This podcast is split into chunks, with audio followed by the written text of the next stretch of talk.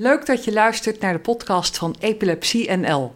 Mijn naam is Marjan Molenaar en ik werk bij Epilepsie NL. Meer dan een miljoen mensen merken iedere dag dat epilepsie levens verstoort.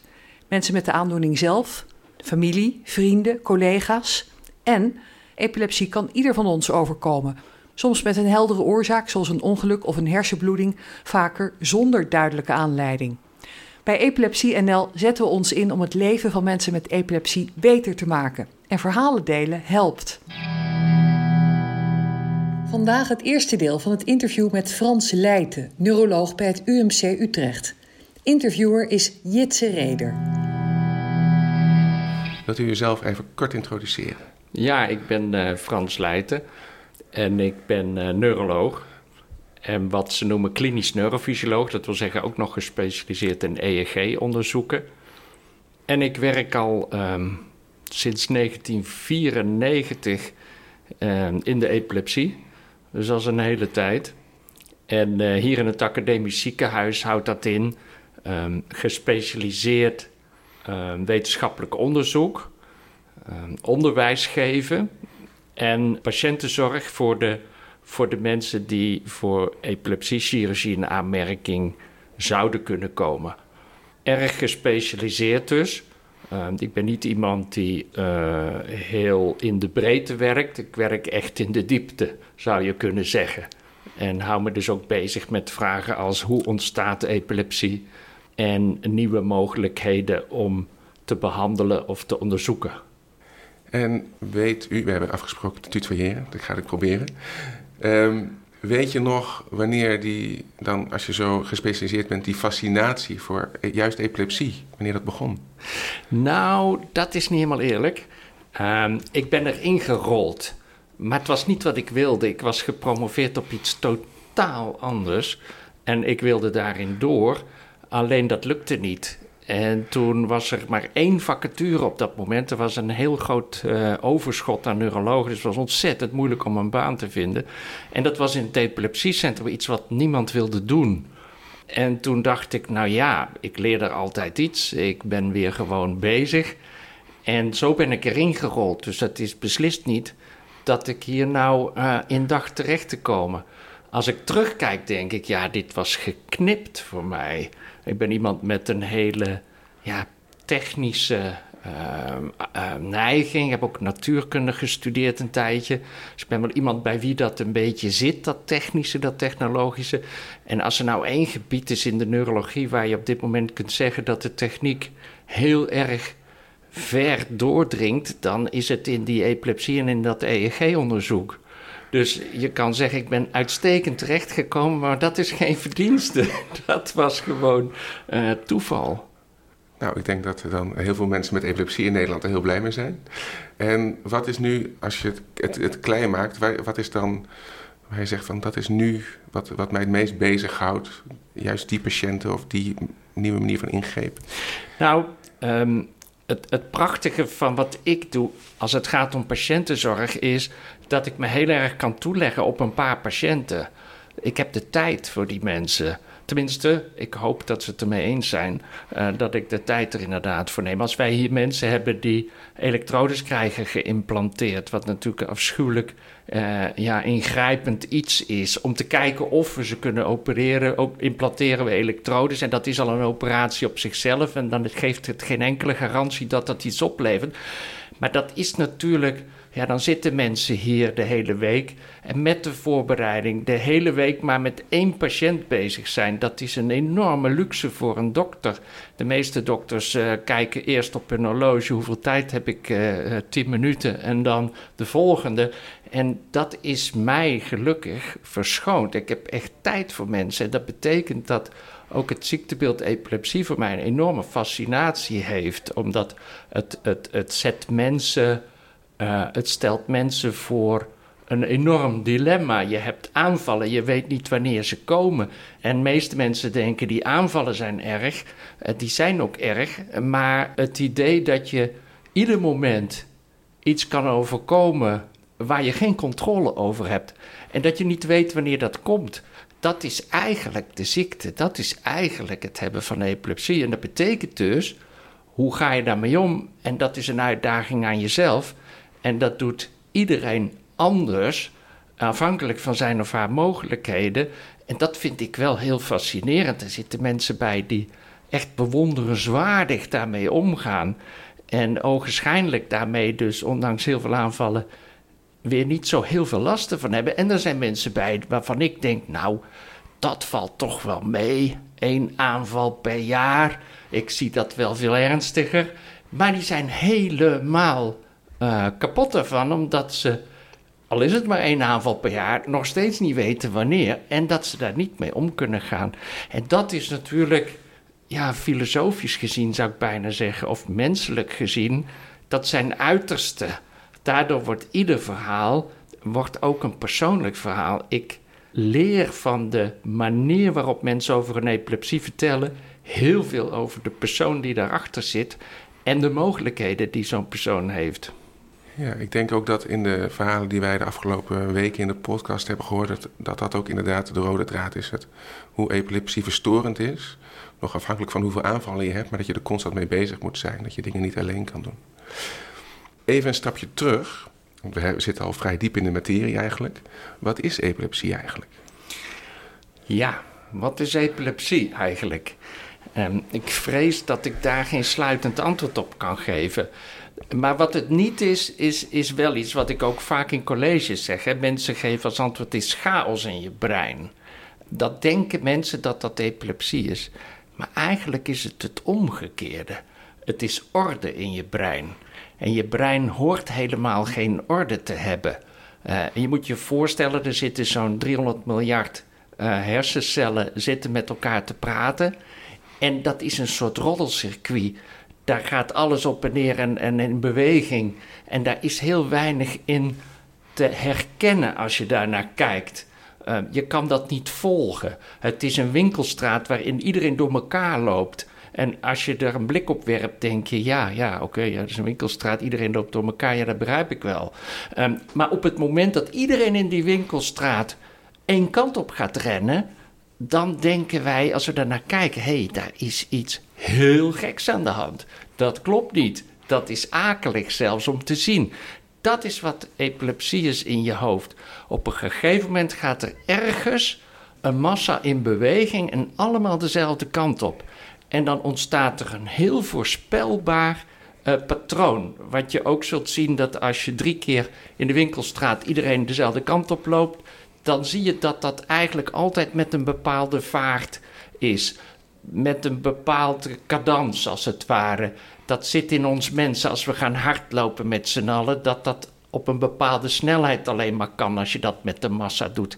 En zo gaat dat in de hersenen ook. Er ontstaat iets heel voorspelbaars. Dus waar het optreden van de aanval heel onvoorspelbaar is, is de aanval zelf, als je daarnaar kijkt met elektrodes, een, een, een heel voorspelbaar iets wat zich afdraait. En dat is wel um, fascinerend. Er zitten twee vragen in. Eerste is waarom op dat moment? En dat is een hele ingewikkelde vraag. Dat is dezelfde vraag als waarom gaat het nu regenen? Ja, je kan wel een paar factoren aangeven, maar wanneer het precies gaat regenen, dat laat zich niet voorspellen. Daar zit iets te ingewikkelds in. Uh, wat anderzijds wel zo is, is je, het regent of het regent niet. Dus je kan zeggen, er zit niks tussenin. Het is een aanval of het is het niet. En dat zijn eigenlijk evenwichten. Dus je hebt het evenwicht geen aanval en je hebt het evenwicht aanval. En er zit niks tussenin. En we kunnen dat wiskundig wel, wel begrijpen in de zin van dat we dat kunnen nabootsen. We maken uh, modellen van de hersenen, waarin we alle informatie stoppen die we weten van de hersenen. En als je dat doet, kan je ook in de computer die hersenen die aanval laten zien, ook op een onvoorspelbaar moment. Wij kunnen ook niet begrijpen wanneer dat gebeurt in de computer. Dus dat, dat, dat is eigenlijk wel fascinerend. En dat noemen we een bistabiel systeem. Je hebt twee evenwichtstoestanden. Dus zo'n aanval is een evenwichtstoestand, ja, als je het nog kunt volgen. Nou, er waren twee dingen ja. die je zei. Wat, wat, wat, is de, wat is de andere, om daar even...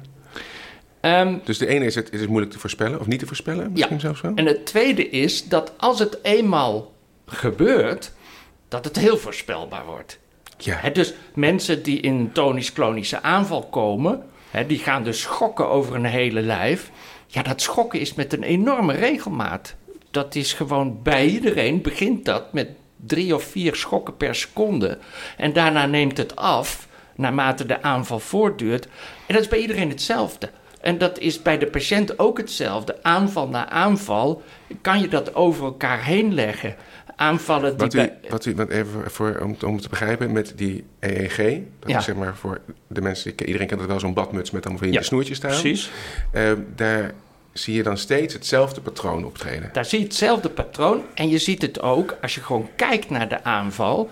En als we bijvoorbeeld van iemand aanvallen hebben omdat we die op video hebben vastgelegd. En je laat die video lopen van de ene aanval en de andere aanval. Dan, en je zet ze onder elkaar. Hè, dat is een trucje.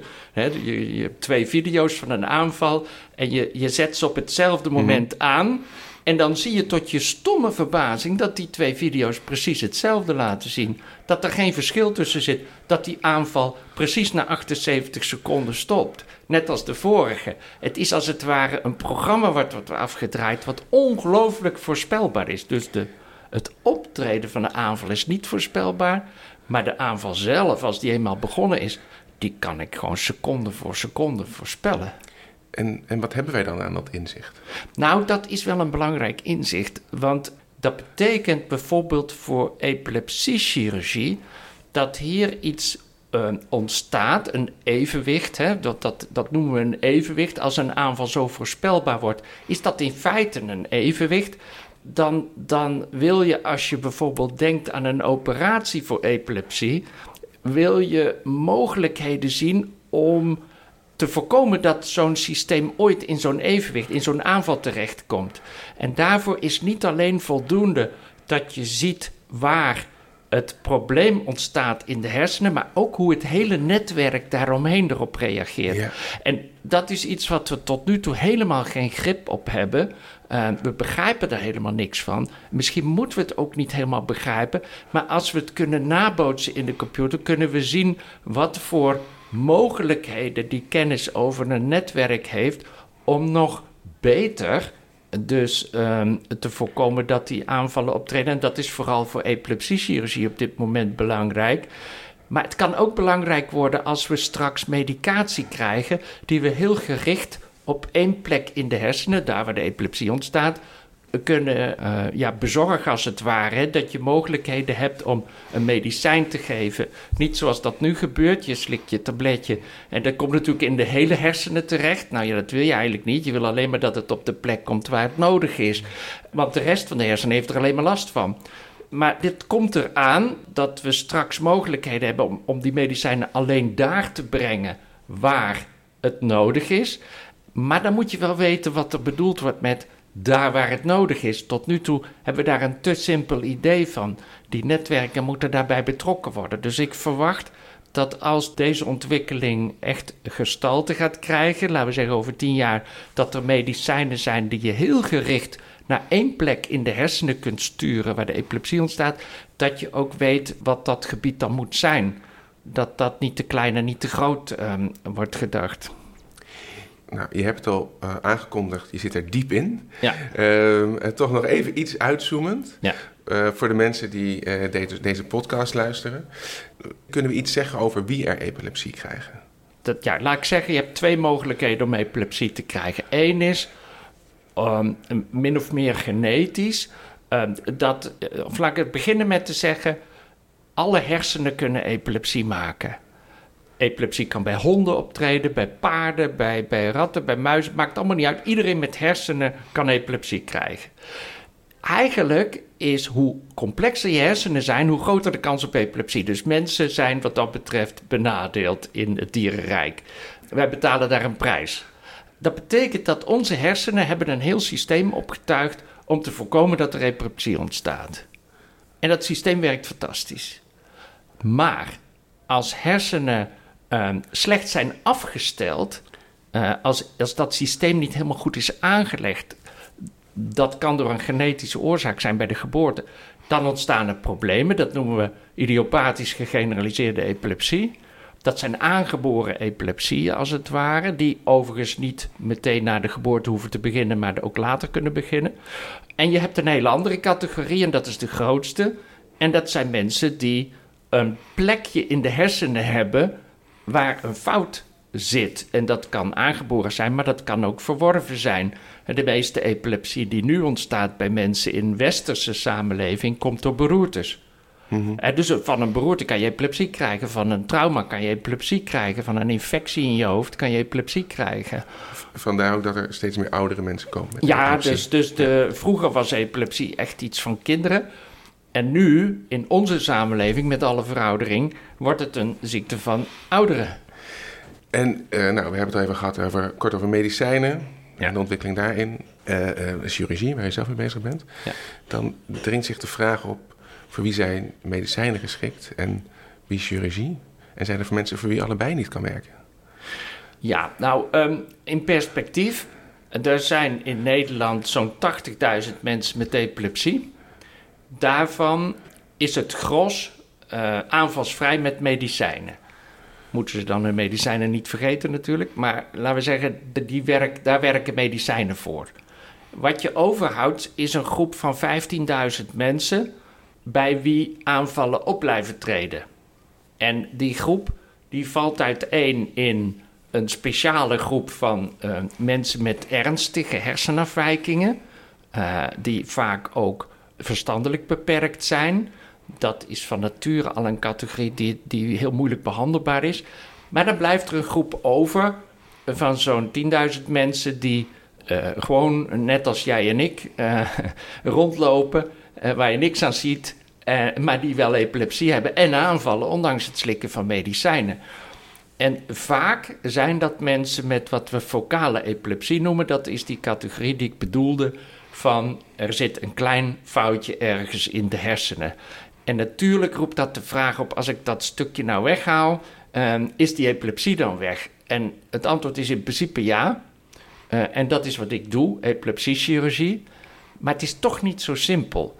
En ik kan dat alleen al aan de getallen laten zien. Want hoeveel mensen opereren we nou ieder jaar aan epilepsie? Dat zijn er 200.